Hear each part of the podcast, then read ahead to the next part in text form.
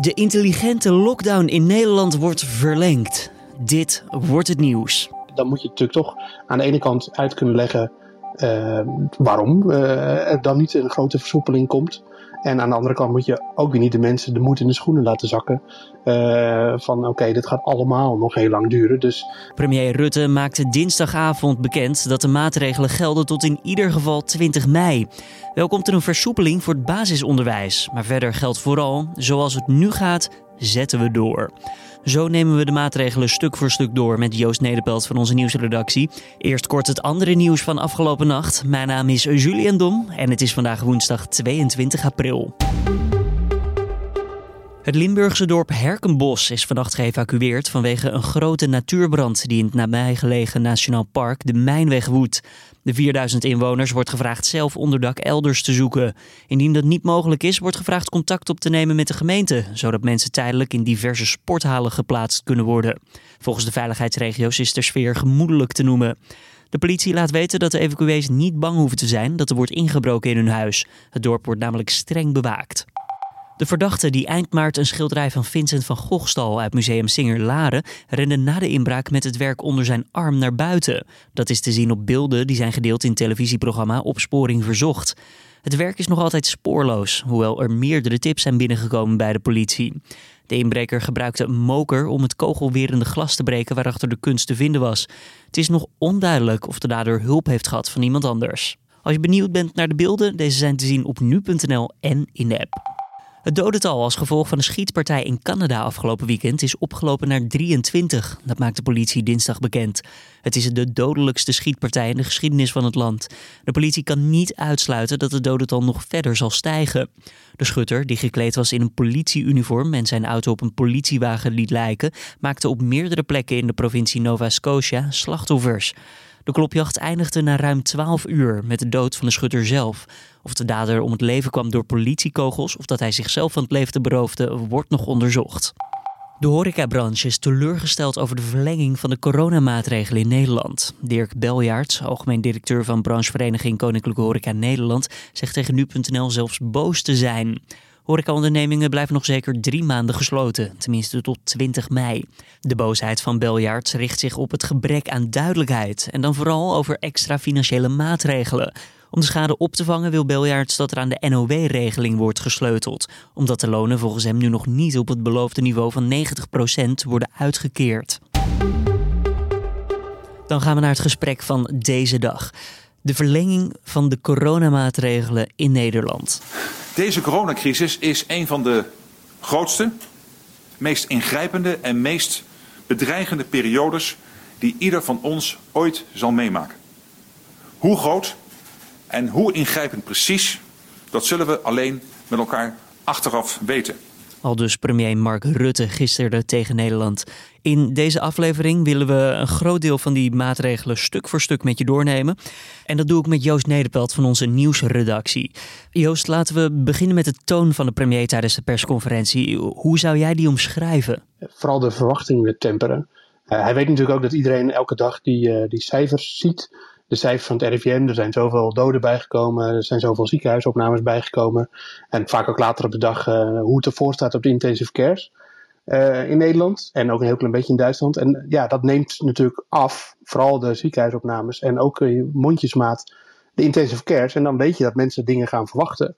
Uh, dus ik denk dat, dat, dat hij wel wist dat er heel veel mensen naar deze persconferentie zaten te kijken. Ook al was een groot deel van het nieuws al uitgelekt natuurlijk. Met, met, met hoge verwachtingen. En uh, ja, dan moet je natuurlijk toch aan de ene kant uit kunnen leggen uh, waarom er dan niet een grote versoepeling komt. En aan de andere kant moet je ook weer niet de mensen de moed in de schoenen laten zakken. Uh, van oké, dit gaat allemaal nog heel lang duren. Dus ja, daar hadden we een goede mix te pakken, vond ik. Van, van aan de ene kant een beetje met een hand aan de handrem. Maar toch ook een heel klein beetje een voet op het gaspedaal.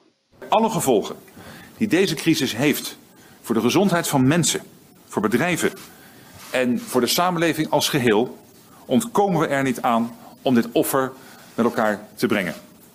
En ik hoop ook en ik verwacht dat mensen dat zullen begrijpen. Waarom dan nu toch verlengen? Nou, ik denk dat ik heb hem eigenlijk nergens. Uh, ik heb al zijn persconferenties gevolgd de afgelopen weken. En ik heb hem nergens echt um, nou, laat ik zeggen, aan enthousiasme grenzen positief gehoord. Nou, niet uitbundig inderdaad, nee. Nee, want, maar het is ook gewoon een, hij, hij weet ook natuurlijk heel goed dat, dat alles wat hij zegt, of wat hij uitstraalt, in die zin dat dat, dat, dat nou ja, de kans is heel groot dat dat verkeerd uitgelegd wordt. En de kans is natuurlijk heel groot dat dat verkeerd uitgelegd wordt. In de zin van dat mensen te optimistisch worden. En dan de vaste grondregels die hij vandaag ook weer benadrukte. Anderhalve meter, boodschappen doen, blijf voor de rest thuis. Uh, dat ze dat in de wind gaan slaan.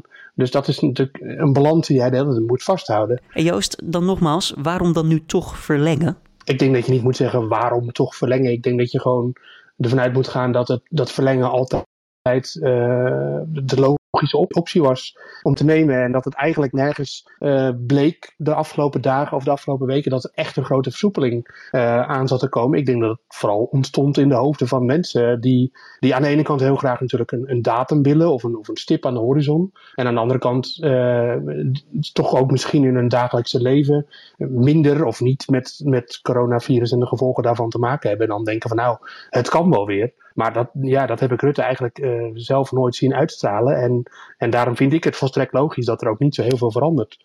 Uh, en in de tussentijd zijn mensen waarschijnlijk toch heel blij eh, die kinderen thuis hebben in de basisschoolleeftijd, dat die straks weer naar school kunnen, al is het deels. Want daarover gesproken, dat is eigenlijk de enige uitzondering die wel wordt gemaakt als we het hebben over versoepelen, de, het basisonderwijs. Um, ja. Maar ze gaan nog niet helemaal naar zoals het was. Hè? Om wat voor versoepeling gaat het hier precies? Het gaat er in ieder geval om dat kinderen uh, tot 12 jaar, dus de, de basisschoolleeftijd inderdaad, die kunnen de helft van de tijd naar school. Dus ja, hoe scholen dat gaan invullen, dat, dat, wordt, dat ligt bij de scholen zelf. En dat is natuurlijk wel logisch, want niet elke school is hetzelfde. Uh, maar het komt er in ieder geval op neer dat hier en daar in Nederland is dat vanaf de meivakantie, maar niet overal. Uh, dat ze dan weer uh, in ieder geval 2,5 dag uh, of twee dagen in de week naar school kunnen. En dat is denk ik voor mensen al heel erg een opluchting die hun kinderen de hele tijd thuis hadden. Niet dat ze hun kinderen zat zijn, maar ik denk dat die ouders wel snappen wat ik daarmee bedoel. Uh, en het is voor de kinderen natuurlijk ook heel goed om, om weer naar school te gaan. En mijn vriendjes en vriendinnetjes weer te zien. Uh, om weer te spelen op het schoolplein, met elkaar uh, in de klas te zitten. En daar um, zeg je net, met elkaar in de klas te zitten, spelen ja. met elkaar. Hoe veilig is het dan voor die kinderen? En ja, ook voor de leerkrachten die voor die klas staan? Nou, de leerkrachten is een, is een ander ding, maar, uh, maar ook daarvan uh, wordt niet, er wordt volgens mij geen roekeloos besluit genomen daarmee. Zover ik het begreep, Jaap van Dissel, de baas van het RIVM, die gaf een uiteenzetting over het onderzoek dat nog loopt, moet gezegd worden, maar waar toch wel behoorlijk wat conclusies uitgetrokken kunnen worden dat, dat kinderen geen grote verspreiders zijn van het coronavirus en dat het ziektebeeld bij hun ook, bij de kinderen ook gewoon veel veel minder intens is. Of nou ja, het gaat allemaal echt om, als er al een geval is, om matige gevallen. om u een voorbeeld te geven, we hebben nu zo'n ruim 28.000 gevallen in Nederland. En daar zijn maar 211 gevallen vanuit die leeftijdsgroep. Dat betekent dat er maar 0,7 procent uh, bijdraagt aan het totaal aantal ziektegevallen. Terwijl natuurlijk die leeftijdsgroep wel ongeveer 20, 22 procent van de bevolking uitmaakt. Dus kinderen zijn ondervertegenwoordigd binnen de ziektegevallen van COVID-19. Uh, dus, dus ja, het, het is gewoon veilig genoeg, denken ze. Want ze weten het niet, dat zeg ik er heel nadrukkelijk bij. Want weten betekent dat er wetenschappelijk bewijs voor is. En, en dat is er gewoon tot op zekere hoogte is dat er nog niet. Uh, en daarom wordt er ook gekeken naar, naar Denemarken, waar de, de scholen al eerder open gaan. In Zweden, waar zover ik weet zelfs open zijn gebleven. Uh, om te kijken hoe dat daar uitpakt. En daar, ja, je kan natuurlijk ook weer van anderen leren. Dus ja, het, het klinkt misschien een beetje licht experimenteel, maar het, is, het is geen roekeloos besluit om de scholen weer open te doen. Maar ja, dat, dat is een beetje wat ze er tot nu toe uit opmaken. Uh, kinderen steken elkaar niet zo erg aan. En als ze, als ze al aangestoken zijn, ze steken elkaar niet aan. Ik moet erbij zeggen, ze steken ook ouderen. Dus uh, boven hun leeftijd niet heel snel aan. En hun, hun ziektebeeld is uh, ja, marginaal.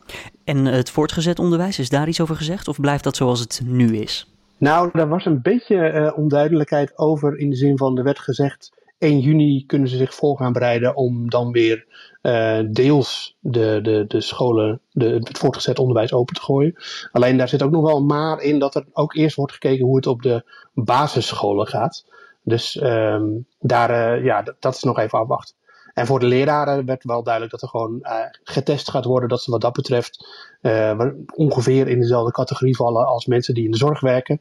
Die natuurlijk ook getest kunnen worden, hoe dan ook. Uh, dus ja, er zal echt nog wel wat, wat, wat vraagtekens zullen er zijn onder de leraren. Maar um, daar is wel over nagedacht. Het tweede punt dat de premier aanhaalde was uh, de amateursport. En daar had Rutte het ook over leeftijdsgroepen weer. Jonge kinderen tegenover iets oudere kinderen. Ja, maar dat is natuurlijk ook het, het, uh, het algemene plaatje wat je nu krijgt. Is dat de groepen waar het risico het laagst is, die mogen weer dingen. Uh, en dat klinkt voor mij als 30-plusser is dat vervelend om te horen, maar heel logisch. Want zij, zij lopen het, het, laagste risico op klachten, zware klachten, ernstige klachten. uiteindelijk kan het een ziekenhuis zijn. Er zijn natuurlijk hele kleine uitzonderingen daarop, maar over het algemeen gaat het kinderen goed af als ze al het coronavirus krijgen. En is de kans ook niet zo groot. Uh, dus ja, dat is de groep waar nu het voor het eerst uh, makkelijker voor wordt gemaakt. Uh, en die kunnen dus ook gaan sporten. er is nog wel verschil tussen de leeftijd tot en met 12. Die mogen ook gewoon tegen elkaar aanlopen bij het trainen. Want dat moet ik er wel bij zetten. zeggen wedstrijden mogen nog niet. Maar stel er is een voetbaltraining of een handbaltraining of een korfbaltraining of noem het maar op. Dan mogen ze gewoon door elkaar lopen zoals ze gewend zijn. Ja, en bij erg jonge kinderen is dat ook moeilijk tegen te houden, kan ik me voorstellen. Ja, dat, dat, volgens mij is dat onmogelijk. En de categorie uh, boven de 12, dus 12 tot 18, uh, die mogen uh, wel trainen. Ook geen wedstrijden, maar die moeten wel op anderhalve meter van elkaar blijven. en daarbij zei Rutte van ja, wedstrijden mogen dus wel. Trainingswedstrijden, moet ik dat benadrukken. Trainingswedstrijden zouden dus mogen alleen als de anderhalve meter gehandhaafd kan worden. Uh, ik heb zelf op voetbal gezeten, maar voetballen op anderhalve meter continu, dat is vrijwel onmogelijk. Tenminste, ja. een wedstrijd. Nou, als we het toch over voetbal hebben, dan gaan we door naar de evenementen. En daar vallen ook de eredivisiewedstrijden onder. Want tot en met 1 uh, september definitief geen betaald voetbal. De woorden van Rutte. Ten derde de evenementen. Die gaan niet door tot 1 september. We verlengen dat besluit dus met drie maanden van 1 juni tot 1 september. Het betekent ook definitief geen betaald voetbal tot 1 september. En ja, dat is zuur. Maar daarover moeten de Eredivisie uh, en de KNVB en vanuit UEFA komen, uh, komen daar nog richtlijnen voor. Uh, moet dat allemaal nog besloten worden. Dat gaat natuurlijk ook om wie er dan de Europees voetbal mag spelen volgend jaar. Momenteel is Ajax koploper. wie ja, gaat wordt Ajax kampioen ook daadwerkelijk? Of zeggen ze van nou, dit jaar is er geen kampioen. Het is een, een verloren seizoen. Ik begreep dat Ajax dat zelf al niet heel graag wilde, dat ze tot kampioen uitgeroepen zouden worden. En, uh, maar dat moet echt nog, uh, moeten we echt afwachten wat de KNVB daarover gaat besluiten. En, uh, en de Eredivisie ehm, zelf. En ehm, ja, dat, daar kunnen we nog niet te veel over speculeren. Maar ik weet in ieder geval wel dat Ajax zelf het niet per se wilde om tot kampioen uitgeroepen te worden. Want dat is natuurlijk dan toch een beetje een surrogaat titel. En zo denken sporters over het algemeen niet dat ze ja. op die manier beloond willen worden. Andere evenementen dan, uh, ik noem maar wat, Pinkpop, Lowlands, Lowland, ook allemaal ja. een streep er doorheen hè? Ja, en dat was vooral omdat ze ook... Uh, die, die organisaties hebben natuurlijk veel tijd nodig om bijvoorbeeld Lowlands of Pinkpop te organiseren. Daar gaat, daar gaat natuurlijk een hele lange voorbereiding in zitten. En als ze dan nu nog niet weten of ze bijvoorbeeld in augustus een, een festival kunnen organiseren, ja, dat is natuurlijk dat is niet te doen. Dus uh, er was een vraag om duidelijkheid, zei Rutte, en die hebben ze gekregen tot, tot 1 september. Niet, uh, geen festivals, geen voetbal. Dus ja, betaald voetbal, zei Rutte dan. Ja, het is, uh, wordt een saaie zomer wat dat betreft. Nou ja, dan, dan de categorie, eigenlijk misschien wel de grootste categorie, dat wat er allemaal niet verandert dus. En dan zit ik ja. zelf te kijken naar de kapper, want nou, jij kent me, ik heb een enorme krullenbos en die is alleen maar groter en groter en groter geworden. Nou, ik heb er ja. zelf nog niet een schaar in gezet, maar nee. ik had me wel een beetje voorgesteld dat de kapper ja, toch wel weer open zou gaan. Gaat ook niet gebeuren. Nee, maar je hebt inmiddels een soort heggeschaar nodig, denk ik. Ja, ik denk dat we daar wel doorheen moeten, of met een ijzerzaag. Want het begint langzaam in stro te veranderen. Maar ja. ja. goed, we mogen niet klagen. Maar ja, het, ik, ik had dit wel verwacht, maar het is niet het geval.